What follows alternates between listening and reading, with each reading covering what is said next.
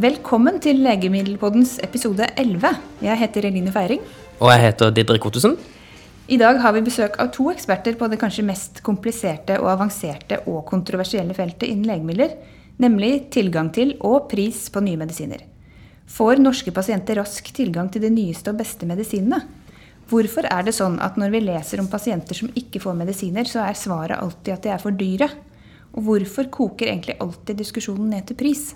Målet er at du som hører på, enten du allerede kan mye om feltet eller er helt blank, skal forstå litt mer av de utfordringene vi ser rundt pris på og tilgang til nye legemidler.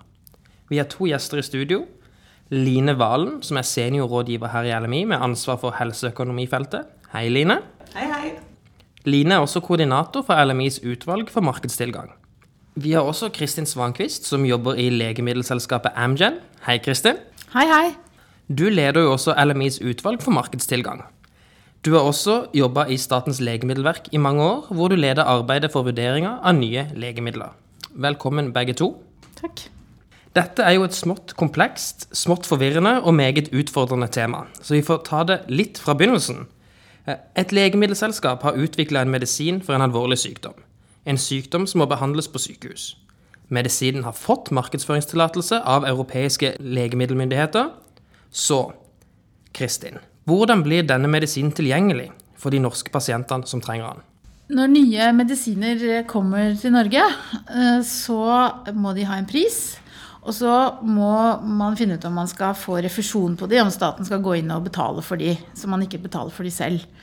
Og Det er da denne metodevurderingen eller verdivurderingen kommer inn eh, som et ledd etter at man får lov å ha fått markedsføringstillatelse.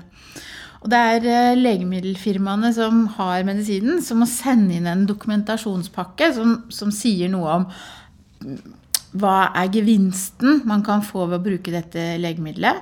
Hvordan er den dokumentert? Og hvilke kostnader er knytta til behandling? Og hvilke gevinster og kostnader kan vi spare ved en sånn behandling sammenlignet med den behandlingen vi har i dag? Eh, og hvordan vil pasientens livskvalitet um, spille inn i, i, i, i, verdivurderingen. Så liksom når man setter sammen disse elementene, så blir det da en rapport. Og den rapporten sier noe om om Stortingets eh, prioriteringskriterier eh, er oppfylt. Og det er jo om hvor alvorlig sykdommen er, eh, hvilken effekt den har, og hvilke kostnader som, eh, som er knytta til den. Kan jeg bare spørre om denne dokumentasjonspakken? Hvis man skal printe ut den på papir, blir den? Uh, Vet du hva?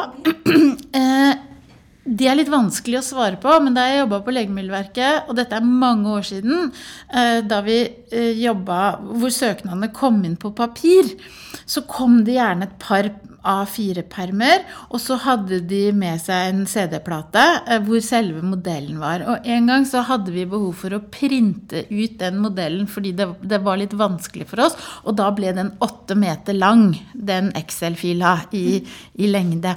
Sånn at Og det her er kanskje ti år siden, eh, så jeg vil egentlig ikke si hvor stort det er blitt.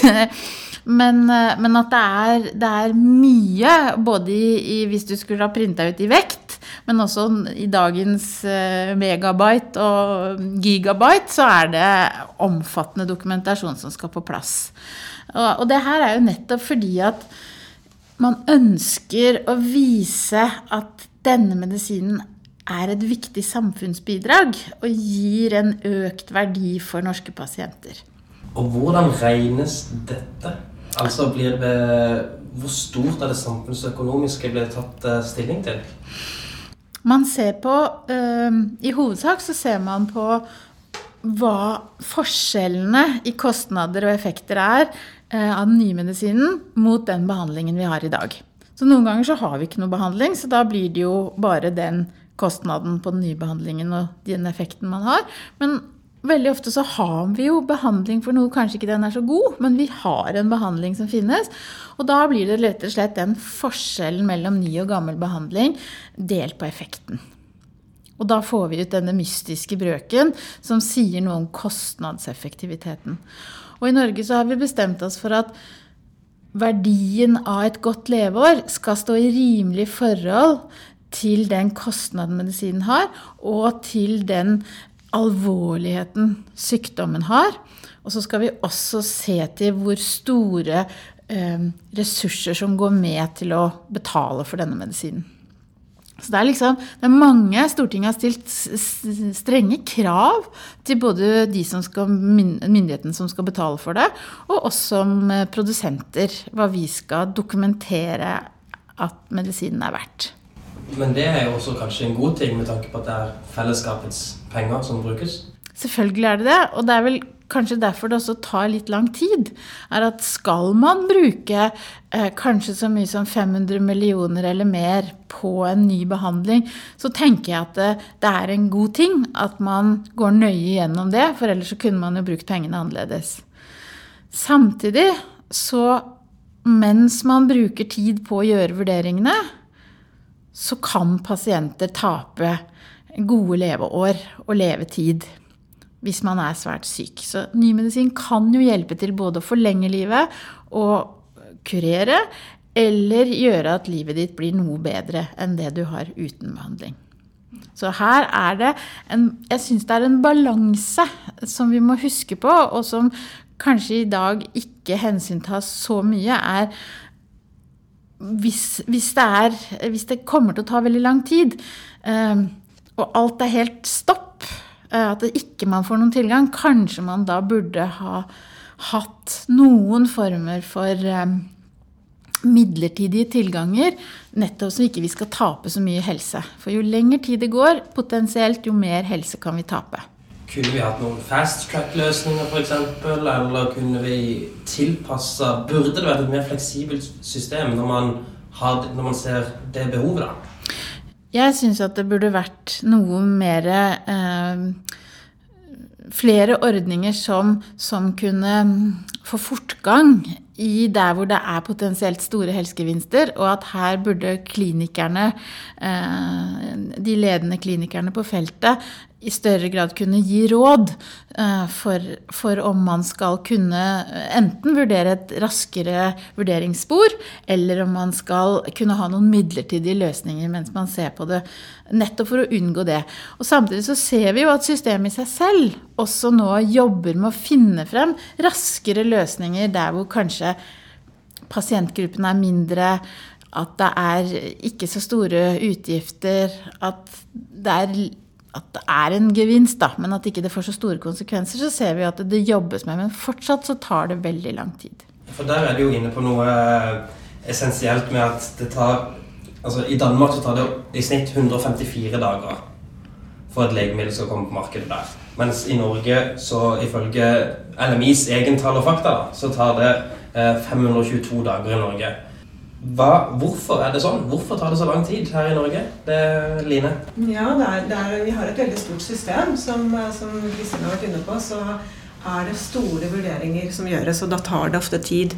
Og Når du da også viser til Danmark, så er det danske vurderingssystemet veldig annerledes enn det norske.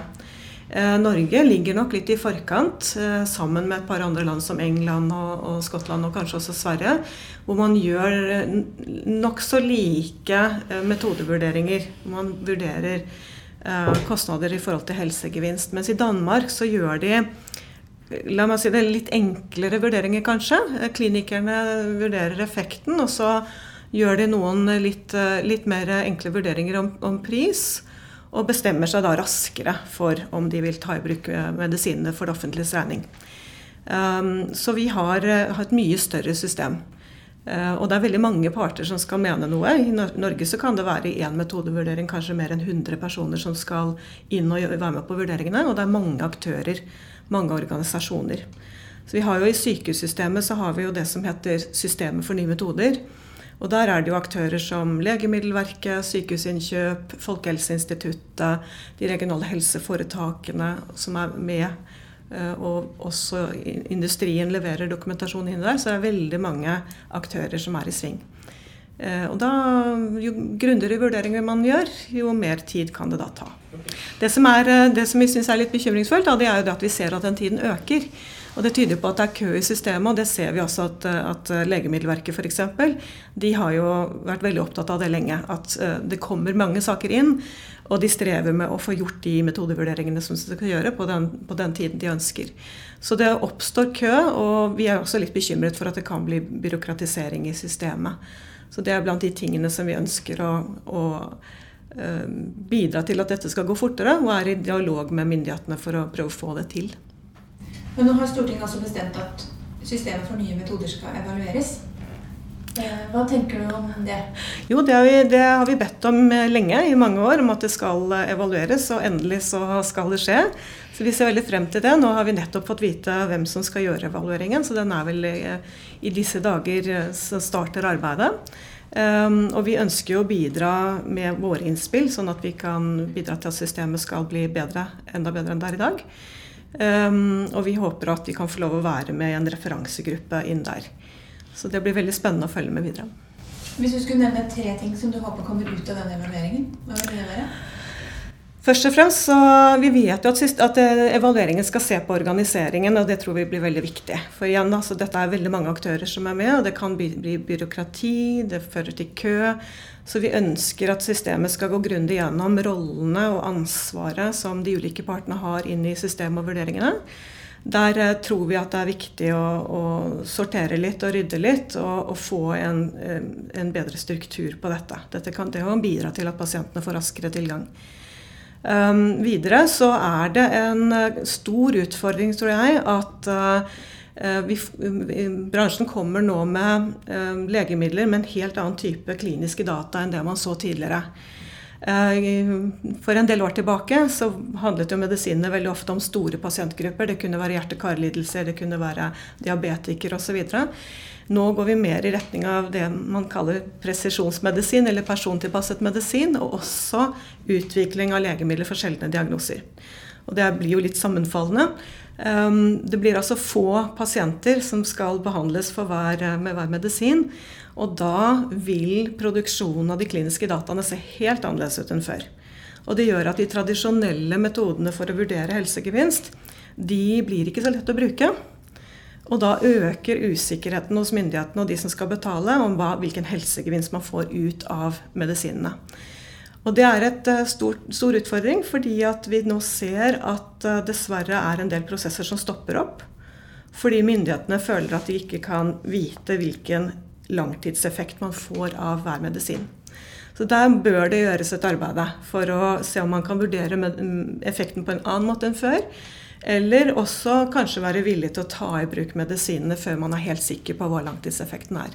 Og så heller gjøre vurderinger etter hvert. Revurderinger. Men noe av problemet her er jo at eller er også da, at de nye medisinene og nye produktene er kanskje ekstra dyre, eller dyrere, fordi at de skal behandle så få personer sammenlignet med tidligere. Ja, eh, når det blir få pasienter, så er det altså, måten, En side ved måten man setter prisene på, det er at man tar eh, kostnadene ved å utvikle en medisin og, og på en måte fordeler det på antall pasienter. Det er sånn man, man ser for seg at prisen skal dekke de kostnadene som er verdt.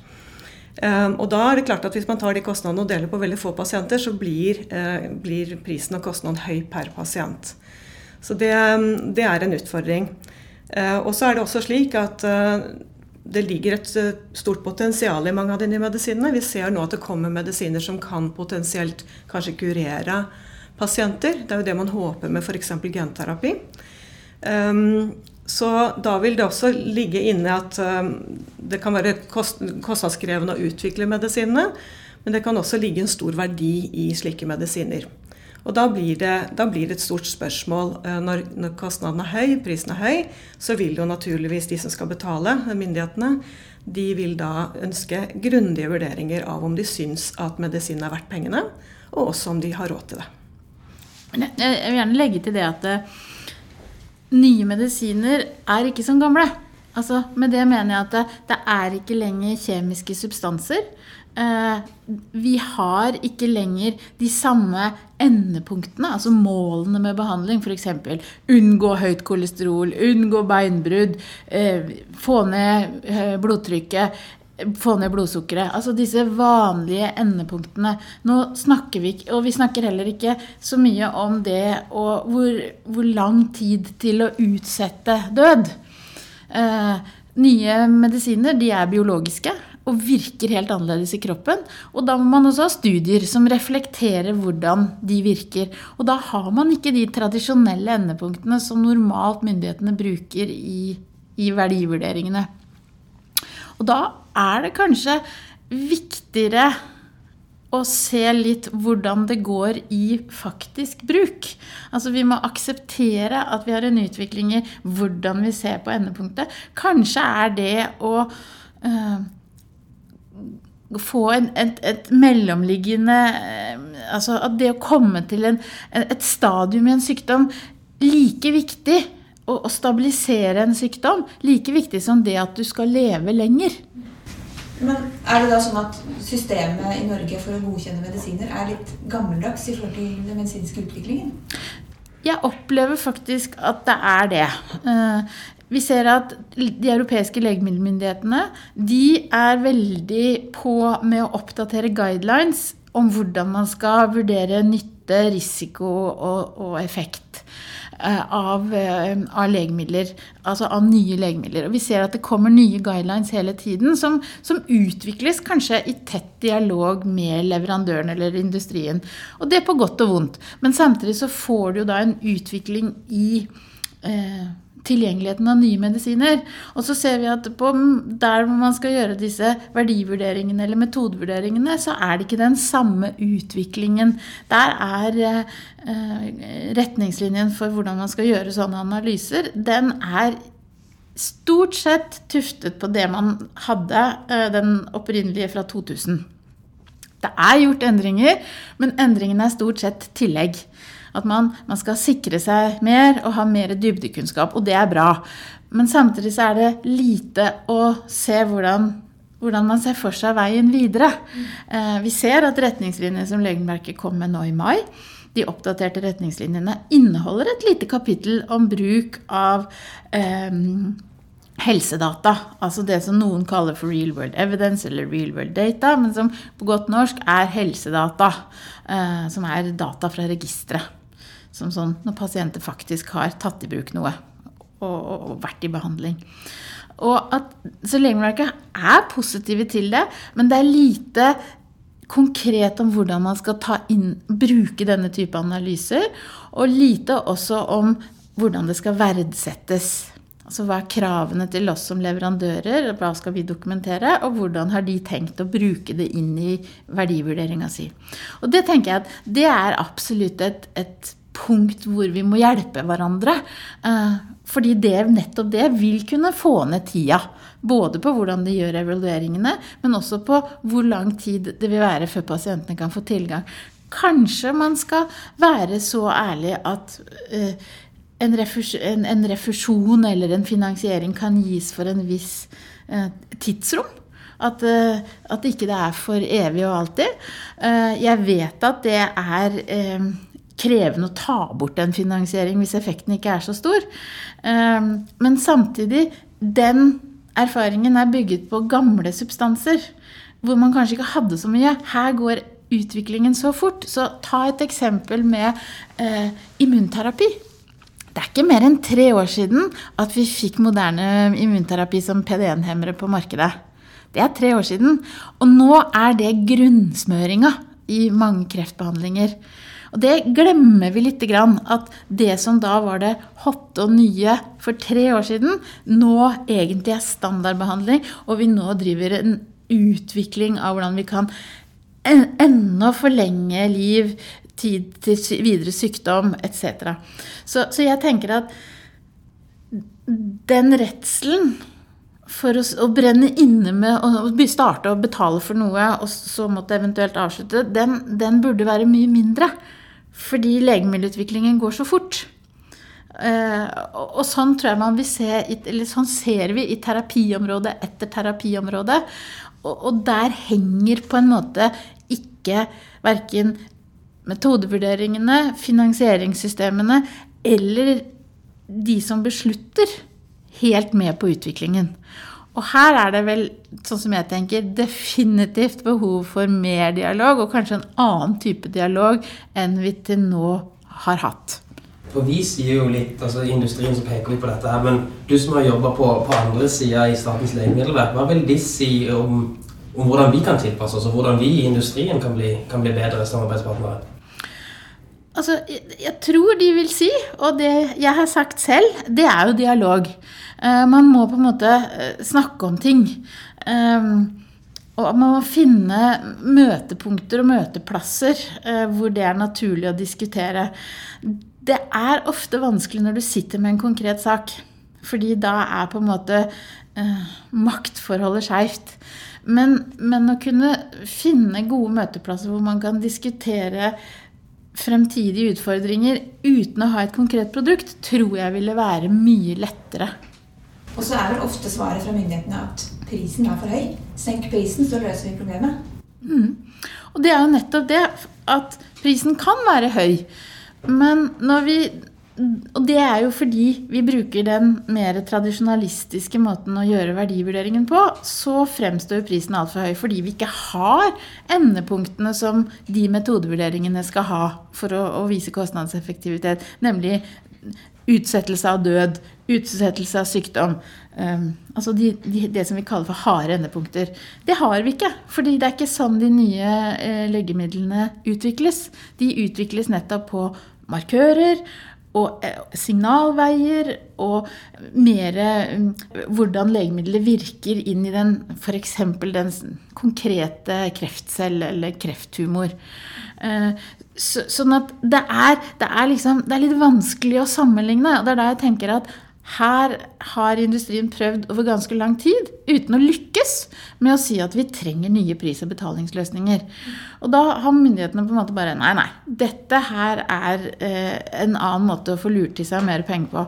Og så har vi som industri definitivt ikke lykkes i å fortelle hvorfor er det vi ønsker nye pris- og betalingsløsninger. Jo, det er nettopp fordi vi mangler endepunktene. Vi mangler den måten å gjøre verdien på. Så vi foreslår heller kan vi gjøre andre måter eh, hvor vi kan få til eh, bærekraftige priser som tilsvarer den effekten som man har. Og da tenker jeg at det må vi som leverandører faktisk jobbe litt mer med. Og myndighetene må også se at hvis de skal levere sitt, på sitt sørge-for-ansvar, altså som eier av sykehus og, og pasientbehandling, så må de også se at de må ville til å gå inn i den dialogen. For hvis ikke så kan ikke de oppfylle sitt sørge-for-ansvar heller i fremtiden. Men det står jo ikke på forslag fra industrien til konkrete betalingsløsninger. Er det, er det forslagene der er noe i veien med, eller er de for mange? Eller eh, hvor butter det? Det er vanskelig å si. Men jeg, jeg tror det er vel eh, eh forståelsen av de. Hvorfor gjør man dette? Eh, og at det er veldig oppfattet at dette her er en annen måte å kreve ut mye penger på. Mens jeg vil kanskje nå med litt mer innsikt enn jeg hadde før, faktisk si dette er en måte å spare penger på. Uh, fordi at man, vi er villige til å faktisk gi ganske gode rabatter hvis vi kan vite hvem pasientene er, hvordan, pasientene, hvordan medisinen skal brukes på pasientene. Det her vil jo være f.eks. at man har ulike priser på ulike bruksområder eller indikasjoner, eller at man har ulike former for rabatter avhengig av hvilken effekt man har, eller at man betaler for, for deler av behandlingen, og deler av behandlingen vil være gratis. For her høres det ut som det koker litt ned til tillitsproblemer også. At når man kommer med nye, når vi i industrien f.eks.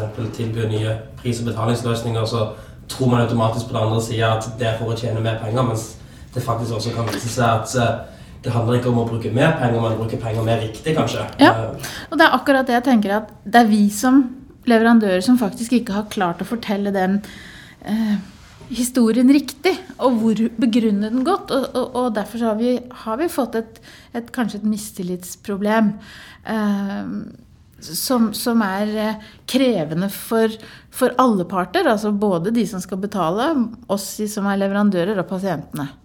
Så, så vi, vi, må prøve å klare å komme til en, en ny måte å diskutere dette på. Og vi har sett at det, det skal rettferdiggjøres å si at, eh, at, både Beslutningsforum og Sykehusinnkjøp har åpnet opp døra. Det finnes nå konkret håndbok for hvordan man kan eh, gjøre dette. Og at de faktisk har spilt ballen tilbake igjen til oss i leverandørsida om at Vær konkrete, kom tidlig, så skal vi se hva som er. Men vi har ikke kapasitet til å utvikle de nye systemene. Det må dere hjelpe til med. Fordi Industrien får jo ofte kritikk på at legemidler kan være for dyre. Og eh, Line, hvorfor er de egentlig så dyre? Og hva er egentlig dyrt i denne sammenhengen? Ja, hva som er dyrt, det kommer vel an på hvem du spør. Spør du de som skal betale, eller spør du de som leverer varene? Det er jo det store spørsmålet. Eh, det er jo noen elementer som er viktige å være klar over. Det ene er jo at det koster fryktelig mye penger å lage en medisin. Nå i forbindelse med korona eh, så har jo vi hørt både Bill Gates og eh, organisasjonen, de samarbeider jo om å prøve å få frem vaksine, som sier at det koster 20 milliarder kroner å utvikle en, en medisin eller en vaksine. Og så tar det kanskje 12-15 år å utvikle en medisin. Og vi vet også at generelt så har det vært sånn at det er bare én av ti legemidler som går inn i klinisk testing, som faktisk oppnår eh, det vi kaller markedsføringstillatelse, altså kommer til markedet. Så de, Det er tre faktorer. altså Det koster mye, det tar fryktelig lang tid å utvikle en medisin. Og eh, det vi kaller risiko, altså sannsynligheten for å lykkes eller for å feile, er, sannsynligheten for å feile er veldig, veldig høy. Og vi vet jo også For hjernelidelse for eksempel, så har det jo vært slik at det er kanskje bare én av 100 eh, legemiddelprosjekter som det blir noe av. Så det betyr at uh, det går med enorme ressurser, uh, og det vil bli reflektert i prisen.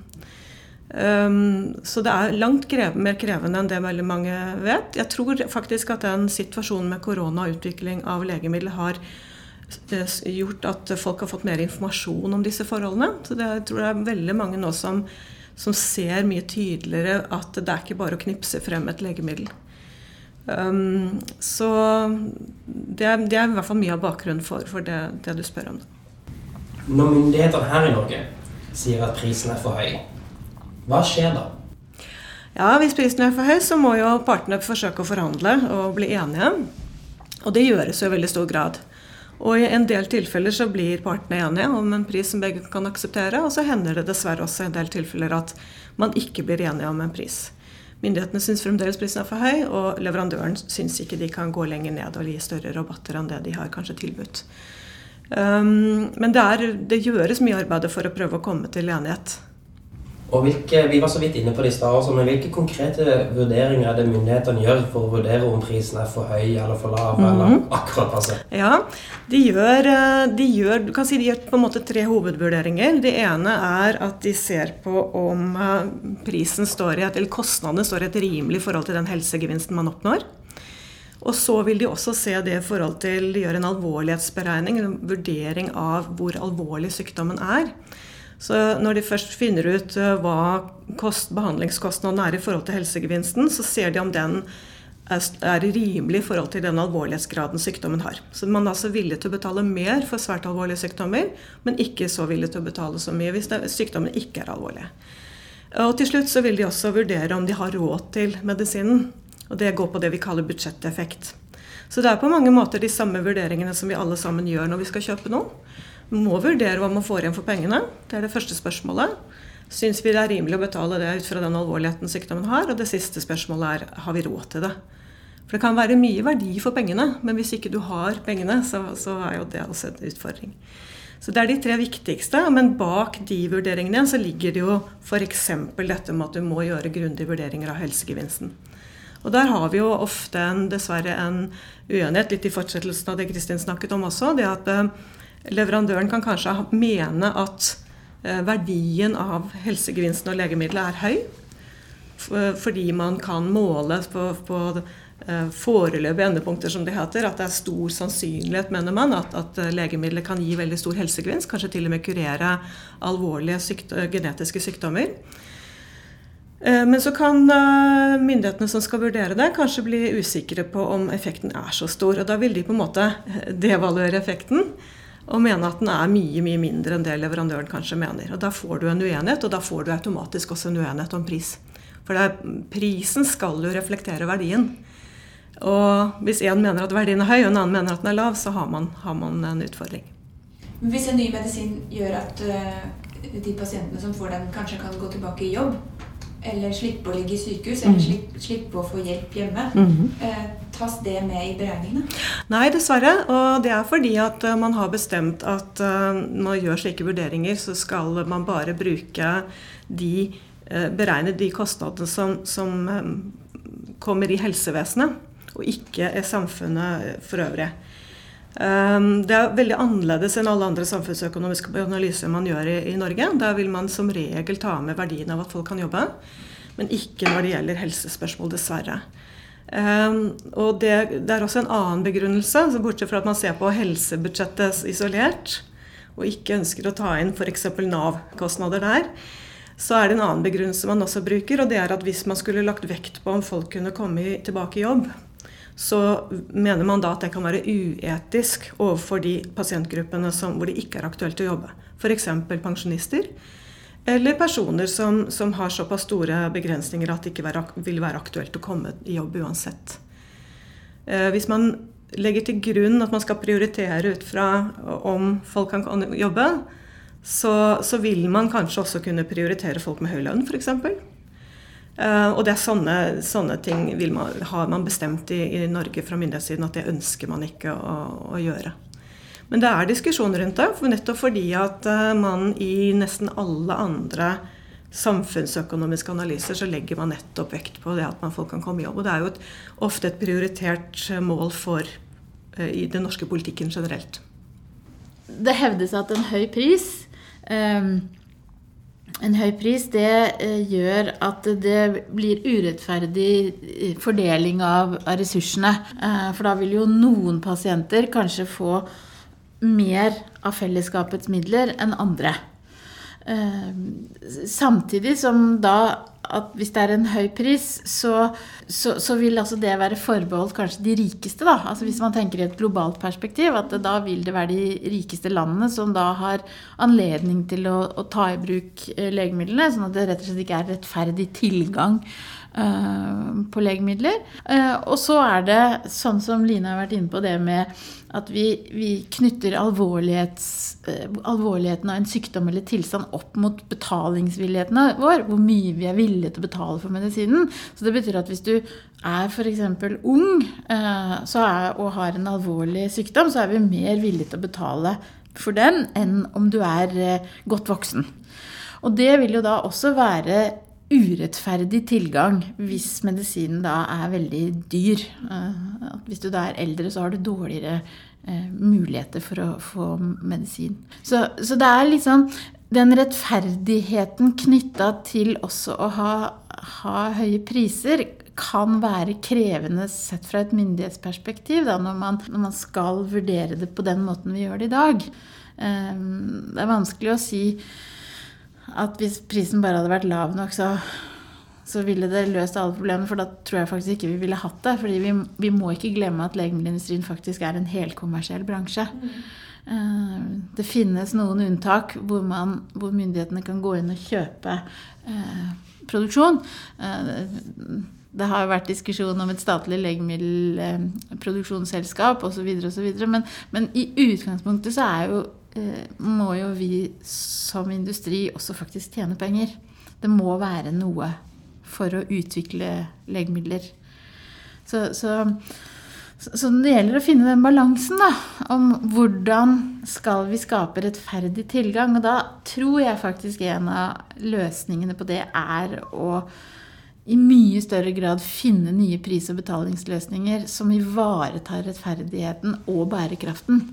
For det må være bærekraftig for begge parter. Det det er, klart det må være bærekraftig for de som skal betale, men må være, priser må også være bærekraftig for de som skal levere. Hvis ikke så stopper det opp. Hvis det blir for høyt for de som skal kjøpe, myndighetene, så, så kan ikke de kjøpe medisinene. Mens hvis det blir for lave priser for vi som skal levere, så vil utvikling av legemidler etter hvert stoppe. Så det er, det, men det er ikke, noe, det noen sånn skarp grense. Man kan jo på en måte si at jo for hver krone prisene blir lavere på legemidler, så vil det på en måte dempe innovasjonen og innovasjonstakten i, i vår bransje. Sånn er det i alle bransjer. Og blir prisene tilstrekkelig lave, så vil det bremse kanskje så mye at du ikke får utviklet nye medisiner. Det er jo kanskje interessant å diskutere når vi ser at regjeringen gjennom mange mange år satser så sterkt på utvikling eh, og eh, anmodning om flere kliniske utprøvinger eh, for norske pasienter. For det er jo også en rettferdig tilgang. Eh, altså hvis du får det gjennom en klinisk studie. Men hvis ikke industrien ser seg tjent med å kjøre en klinisk utprøving i Norge, så vil jo det også gjøre at pasientene taper mulig helse. Sånn at jeg tror at det blir litt for enkelt å bare beslutte legemidler ut ifra eh, pris og kostnadseffektivitet, og se helt borti fra utviklingsløpet, kliniske utprøvinger, tilgang eh, tidlig før markedsføringstillatelse kommer, eh, andre oppfølgingsstudier osv., hvor industrien faktisk står for eh, kostnadene. Det samme med også det behovet som er hvis du skal kjøre en klinisk utprøving, så krever det kanskje Eh, kompetanseheving hos, hos, legene som skal utføre studien, de, hvor de da får, får, tilgang på ny kompetanse. Det krever kanskje også um, teknisk utstyr, laboratoriekunnskap, tester osv., som også industrien er med på å um, tilføre sykehusene.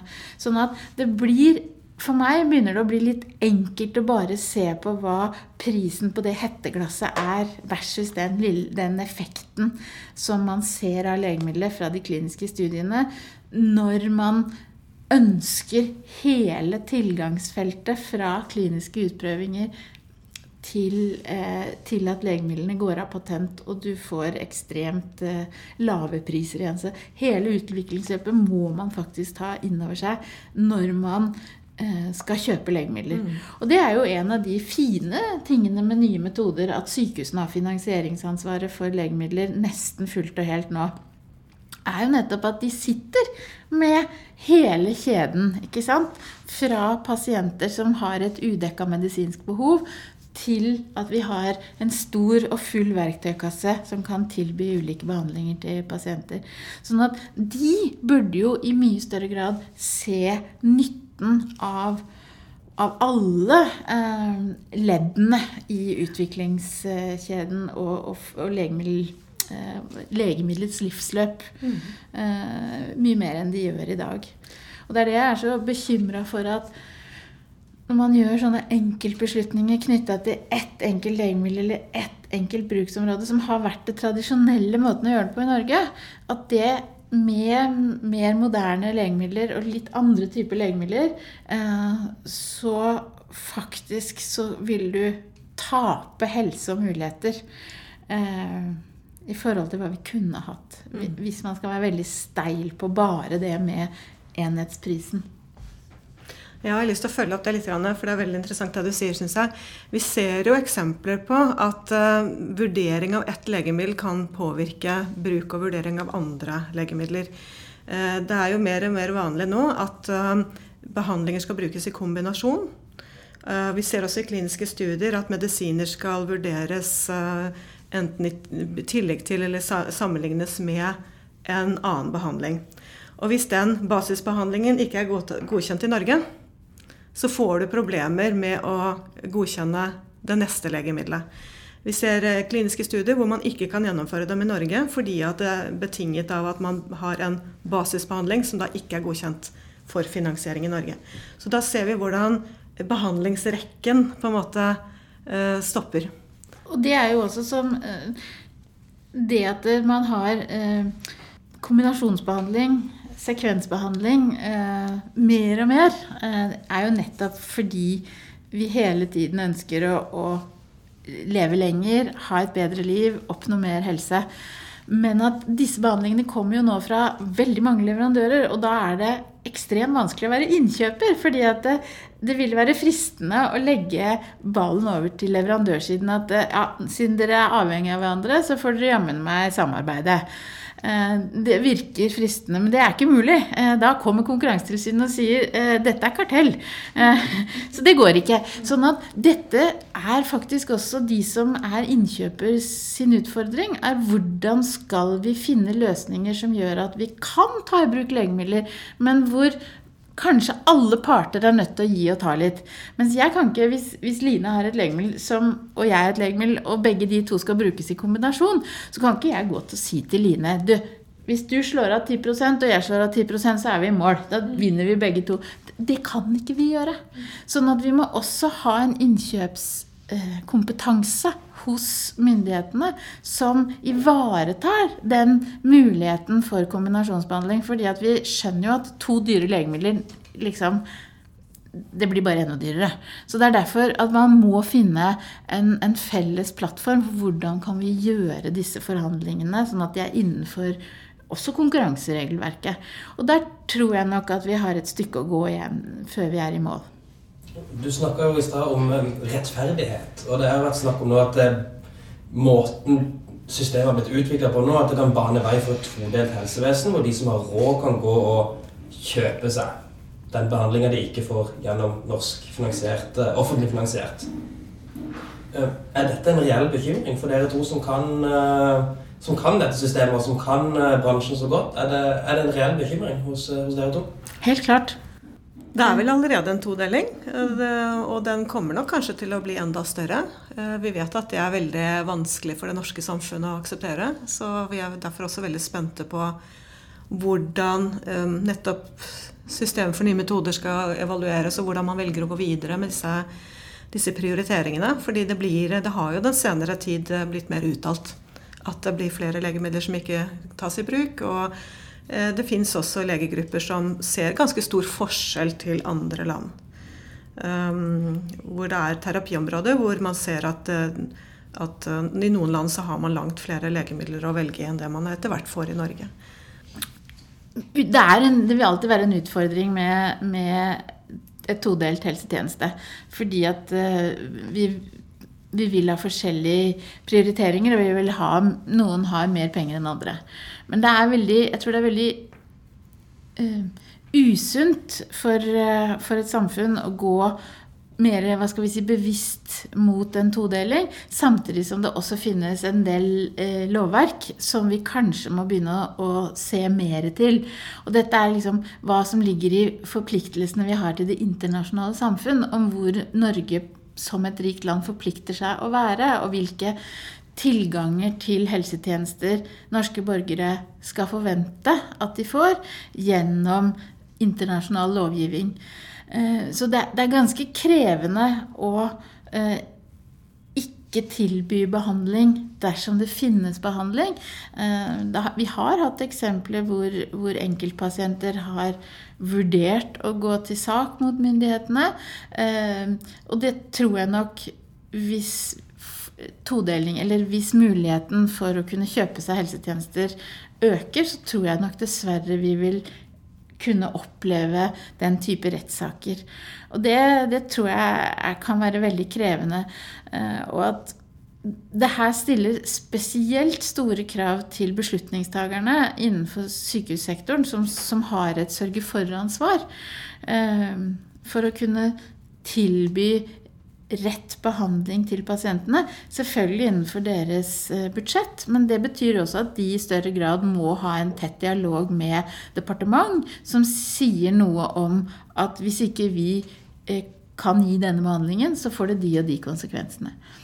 Så det er klart at man, man, skal eh, være budsjettfokusert og passe på midlene sine og, og sånn, men samtidig så, så, tror jeg at det kan bli krevende i fremtiden hvis vi ikke endrer villigheten til å finne nye løsninger for hvordan vi kan ta i bruk legemidler.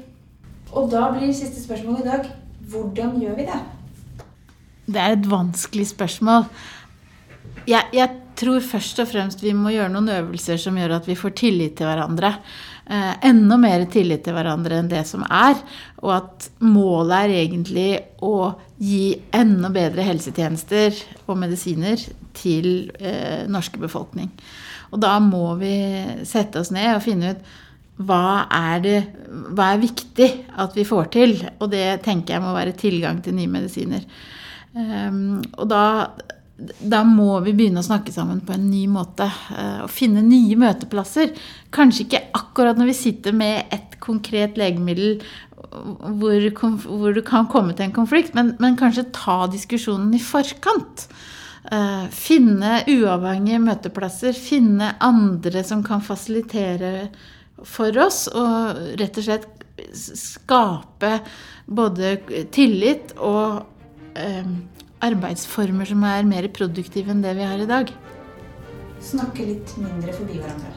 Kanskje, ja. Absolutt snakke litt mindre forbi hverandre. Veldig klokt sagt. Kristin Svankvist og Lillevold, tusen takk for at dere kom. Tusen takk. Takk for oss.